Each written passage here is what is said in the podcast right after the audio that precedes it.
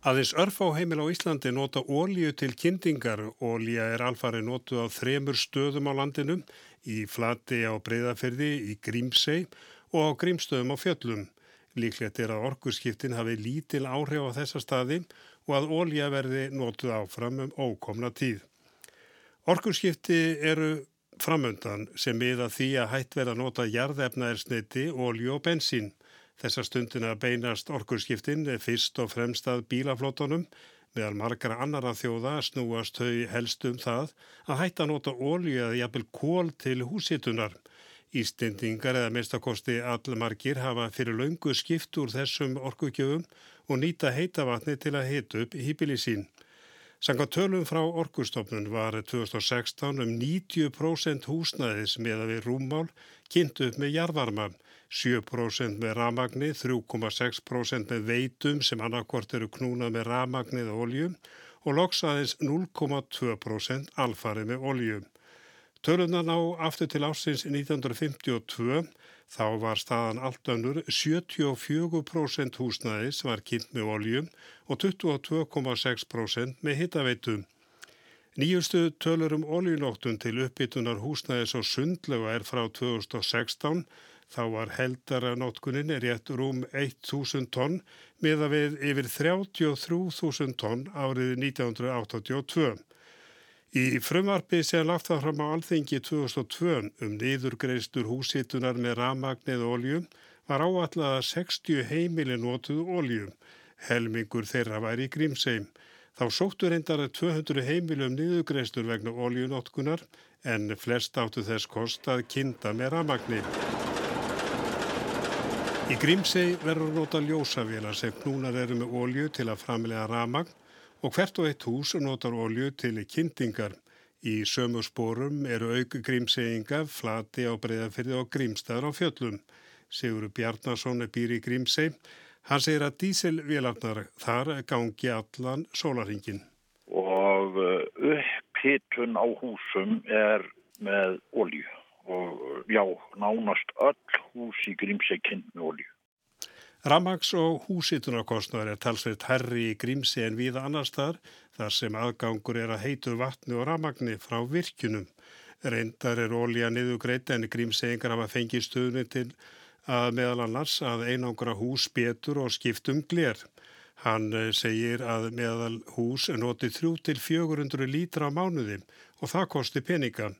Á sínu tíma var gerð misefnu tilraun til að setja upp vindmilu í Grímsi en það getur vel verið að hægt sé að koma upp vindmilu í einni þar sem blæs nokkur hersilegan af og til. Sigurður segir að Grímseingar séu ekki vel undir orkurskipti í búnir. Hann segir að hugmyndir hafi verið um að kinda með timbri eða kurli en það við orðu úr því.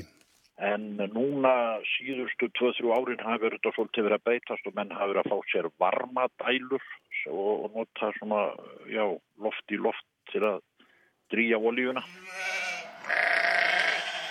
Bræi Benediktsson býri á grímstöðum á fjöllum nána tilteki Grímstungu 2. Yfir veturinn eru aðeins þrýri með heimilisfestu á staðnum en yfir sumarið fjölga talsvert meðal annars vegna gistihúsar eksturs. Öll húsin eru kynnt með olju og ramagniði kemur frá dísilstöðum Grímstæðir hafa aldrei verið tengd í landsnitinu. Nei, það har aldrei verið. Hérna hefur verið kerið að dísistáða frá, frá 1950. Og hvernig er ykkar eh, ramags og kyndingar málum háttað? Það er allt með ólíu bara. Það er eh, náttúrulega ramagni með ólíu og kyndingarnar eru, það eru bara ólíu kyndingar í hverju húsi. En hefur aldrei komið til greina að tengja ykkur við landsnitið? E, það komið til tals, það er aldrei farið lengra. En hvað finnst bragum það að grímstæði skul ekki vera tengtir við landsniti og fái ramag það? Þetta er náttúrulega eins og staðin er í dag og talað um að þetta er nú að reyna að minga oljukostna og annað slíkt og bara út af mengun og öru slíku þá er þetta alveg rugglað svona. Þannig að svona þiði er erfitt með að taka þátt í, í orgu skiptunum sem eru framöndan? Ég hugsa það, já. Samkvæmt upplýstingum speilsins er aðeins örf á heimili á Íslandi sem notu ólju fyrir utan þessa þrjá staði. Líklega hægt að telja þau á fingrum annara handar. Og einhver frístunda eða sumarhús notu ólju og sumulegis eru notu ólja í húsum eða skálum á hálendunum. Í flati á breyðafyrir rekur orkubú vestfjörða rafstöð sem er knúið með ólju og sér í búum fyrir ramagnir. Húsin er að mestuleiti kynnt með ólju. Hafsteinn Guðmjörsson, bóndi í flati, segir að nokkur hús noti varmadælur til að lækka óljukostnaðin en er líklegt að breytingar verði á orkunótkun flateyinga nú þegar orkuskiptin er að gangi í garð.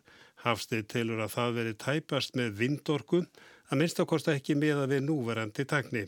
Ég held ekki að, að það verði breyting með vindorku í þessu formi sem hann er notið núna. Það er, ef það væri í öðru formi þá kemur það mjög vel til greina, fyrst ég er. Og hversun ekki? Það er bara þessi spadar er svo stórir og þeir myndi hafa mikil áhrif á fugglinn og mikla líkur á að myndi verða tölverta fuggli sem færi í spadana. Ég, þetta er svo mikil umferð, hérna sérstaklega á vorin. En er ekki, það er það fjölmynd þarna yfir sömartíman, er ekki nótu greiðilega mikil ólja? Það er nótu mikil ólja, jú. Það er klart mál. Veistu hvað þetta er mikil? Nei, ég veit það nú ekki fyrir víst. Ég geti trúið því að semta á skröldulli farið þetta nú hátt upp í 100.000 lítra. Það hvað fólk kýs og það hvað fólk fær, þetta er ekki endilega sami hluturinn fá, fyrir fáinum árum. Kusu íbúður í Gautaborgum hvort leggja eftir sérstakann skatta á bílaumferðum miðborgina til að dragur umferðateppum og fjármagla miklar samgöngu úrbætur. Skattunum var hafnað af meirluta kjósenda. En hvað með það, skatturinn sem hafið þá þegar verið tekinu upp var áfram í gildi og er enn. Kári Gilvarsson í Gautaborg tekur við. Skatturinn heitir trengselskatt og vísar í trafíktrengsel, umferðar teppur. Hann er einhentur sjálfkrafa af bifræðum sem fara fram hjá tollaliðum umhverfis miðborgina frá því á mornana og fram á kvöld. Uppæðin jafngildir um það byl 100 til 300 íslenskum krónum. Lægst er hún þegar umferðin er minnst en hæst á álagstímum. Skatturinn leggst því á ákveðið svæði en ekki ákveðina vegi, en það er ætluninn að draga úr umferðarteppum í miðborginni, en líka auðvitað að skila tekjum. Þær eru verulegar. Á þessu ári hafa þær að jafnaði verið um 80 miljónir sænskra króna í mánuði. Það jafngildir um einum miljardi íslenskra króna. Tekjunar á að nota til umfangsmikilla framkvæmda í samgöngumálum sem ganga undir nafninu Vest-Svenska paketet vestur sænski pakkin. Það á að byggja nýja brú yfir Gautelfur, göng undir hana og nýja neðanjarðarlesti í gegnum Gautaborg. Það á að endurbyggja stór svæði í miðbænum, leggja nýja hjólastíga og bæta almenningssamgöngur þannig að farþegafjöldi tvöfaldist millir áruna 2006 og 2025. Þetta kostar sitt. Teppu skatturinn á að skila 40% af kostnaðinum sem er um 14 miljardar sænskra króna á verðgildi ársins 2009. Það er um 350 miljardar íslenskra króna að núverði.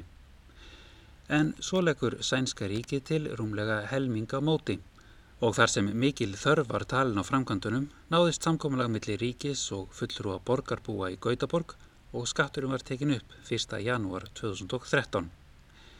Þá hafði viðlíka skattur þegar verið lagður á bílaumferði í miðborg Stokkólms frá árunu 2006. En í Gautaborg voru borgarbúar ekki á eitt sáttir.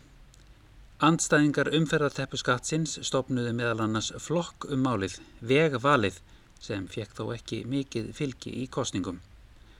Andstæðingum skattsins tókst þó að knýja fram almenna atkvæðagreislu um hann og í atkvæðagreislunni sem haldinn var í september 2014 samhliða almennum kostningum í landinu var skattinum hafnað af 37% kjósenda í Gautaborg. Vandin var bara að nær engin af flokkonum í borgarstjórn vildi afnema skattin eða hætta við samgönguframkvæmdirnar og um vorið í mars 2015 samþykti borgarstjórn álöktun um að skatturinn yrði áfram innheimtur. Það er erfitt að meta áhrif umferðarsteppu skattsins fyrir utan auðvitað það fjö sem hann hefur skilað til samgönguframkvæmda. Bílaumferð er líklega minni en ella en er það vegna skattsins eða út af loftslags skömm eða út af bættum almenningssamgöngum. Víst er að farþegum í almenningssamgöngum hefur fjölgað um 21% frá 2011 til 2017. Hjólreiðar jökust um 20% á sama tíma, samkvæmt tölum frá borginni, en bílaumferð jógst aðeins um 1%. Eitt af markmiðum vestsvenska pakettet var enda að helmingi fleiri noti almenningssamgöngur árið 2025 en 2006. Bílaegn hefur aftur á móti ekki breyst mikið síðustu ári Gautaborg þótt hún hafi minkað lítilega.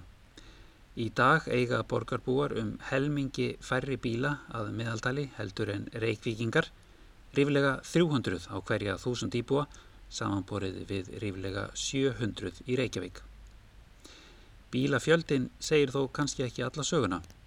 Þótt sá sem hér tali tekki ekki til neitna rannsókna á málinu virðist sem mun færri noti bíl til að komast til og frá vinnu í Gautaborg heldurinn í Reykjavík. Sporvagnar og strætóar aga títt og eru yfirfullir af fólki á mornana og síðdeis og við íbúagötur í borginni virðast flestir bílar standa í stæðum sínum yfir daginn. Margir virðast aðalega nota bílinn til að erindast eða fara í ferðalög, stutt og laung, frekar en að aga til og frá vinnu. Það er ekki lengur deilt um umferðartæpuskattin, að minnstakosti ekki í ofinberri umræðu, korki í Gautaborg nýja Stokkólmi. En það getur verið þungt fyrir fólk sem vil aka til vinnu í miðborginni eða úr miðborginni að borga jafnverði um 600 íslenskra króna á dag í tæpuskattin. Framkvæmdirnar sem skattinum er ætlað að fjármagna, þær eru heldur ekki óumdeldar og standa nú sem hæst. Umdeldast er ný leið fyrir lest neðanjarðar sem verið er að leggja í gegnum borgina og nokkrar lestarstöðvar sem einning verða neðanjarðar. Það er verið að sprengja, grafa, fella æfakumul 3 og margir spurja hvers þau eiga að gjelda og hvort það væri ekki betra að nota peningarna í skólana eða heilbreyðiskerfið. Andstæðan við neðanjarðarrestina varð mönnum tilefni til að stopna stjórnmálaflokk og bjóða fram rétt eins og þegar taka átti upp umferðarteppuskattin nokkrum árum áður. En nú í kostningunum síðastu haust náði nýjiflokkurinn, demokraterni, mun betri árangri, 17% atkvæða og stjórn jafnaðarmanna rökklaðist frá völdum eftir 24 ára valdatíð. Menn voru nú ongóður um að ná markmiði sínu að stöðva lestarfrænkvæmdirnar en vandin var bara að engin hinna flokkana var á sama máli og því engin leið fyrir demokratana að komast í stjórn eða koma baróttumáli sín í gegn. Því var það úr, rétt eins og nokkrum árum fyrr, að það var bara haldið áfram, sangkvæmt áallun. Kári Gilvason, Gautaborg.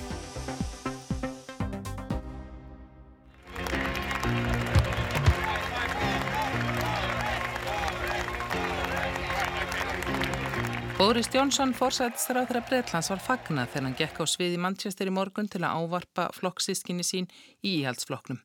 Ef Grant er hlustað má heyra fundarmenn kalla nafnans og hú spila baba og ræli undir. Í gerðkvöld kvisaðist það út að Johnson myndi í dag leggja fram loka tilbóðsi til Evropasambandsins um hvernig því skuli hátta þegar brettar ganga úr því og drífum Brexit af var vissulega leiðarstef í ræðu Johnsons. Let's get Brexit done. Um útgönguna sagðan að þar legðan fram málamiðlun sem væri bæði uppbyggjandi og sangjöld. Hindranir á landamærum Norður Ílands kæm ekki til greina. Virða yrði friðarferlið og friðarsamkúmulagi sem kent er við förstu daginn langa.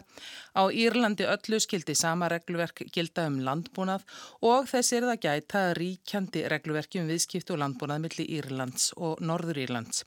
Norður Írlandi er það vissanátt innan markaðsvæðis Evropasambandsins en utan tollbandalags og þetta er að gerast með samþykki stjórnvalda á Norður Írlandi sem skildu kjósun þetta á fjögur ára fresti. Allt er þetta gerast um leið og Breitland hirfi í heilsinni úr Evropasambandinu. We will protect our precious union between Great Britain and Northern Ireland. And Þið dýrmæta samband millir Stóra Breitlands og Norður Írlands er það verja. Þarna sagðist Boris Johnson ber á borð málamiðlun. Hann vonaðist til þess að henn yrði mætt með málamiðlun af hálfu ESB. Ef ekki næðist samkómulag um það sem í raun væru tæknilegar útferslur á tollgæslu þar sem tækninni flegði stöðuð fram, þá lék ekki nokkur vafa á því að brettar færu úr Evropasambandinu án samnings. Það var ekki það sem hann kísu en væri samt tilbúinir til að gera. Fyrstu viðbröð Leos Varadkars forsættisar á þeirra Írlands voru ekki mjög jákvæð, hann saðist ekki sjá að þarna væri grundvöldur fyrir samkominlagi. Viðbröðin handan Ermarsönds hafa verið þau að tillögur Johnsons verði skoðaðar af hlutlækni. Johnson ítrekkaði brefi til Sjans-Klóts Junkers að fórseta framkvæmda stjórnar Evropasambandsins vilja sinn og stjórnarinnar til að ná samkúmulagi og sagði að það síndi skort á stjórnkænsku allra hlutægandi ef ekki tækist samkúmulag og tíminn væri knappur. Þó að ekki sé hægt að segja að fyrstu viðbröð við yfirlýsingum Johnson séu fölskvalus gleði, telja stjórnmála skýrendur að stuðningur írska sambandsflokksins geti miklu skipt og orði til að sigra íhalsmenn sem höfnuðu samningnum sem Theresa May forverið Johnson slæði fram. Yfirskrift flokkstingsins í Manchester og marg endur tekið leiðarstef var það að klára skuli brexit. Hann vísaði til þess að kjósendur og landsmenn væru orðin langþreyttir á rómlega þryggjára þófi.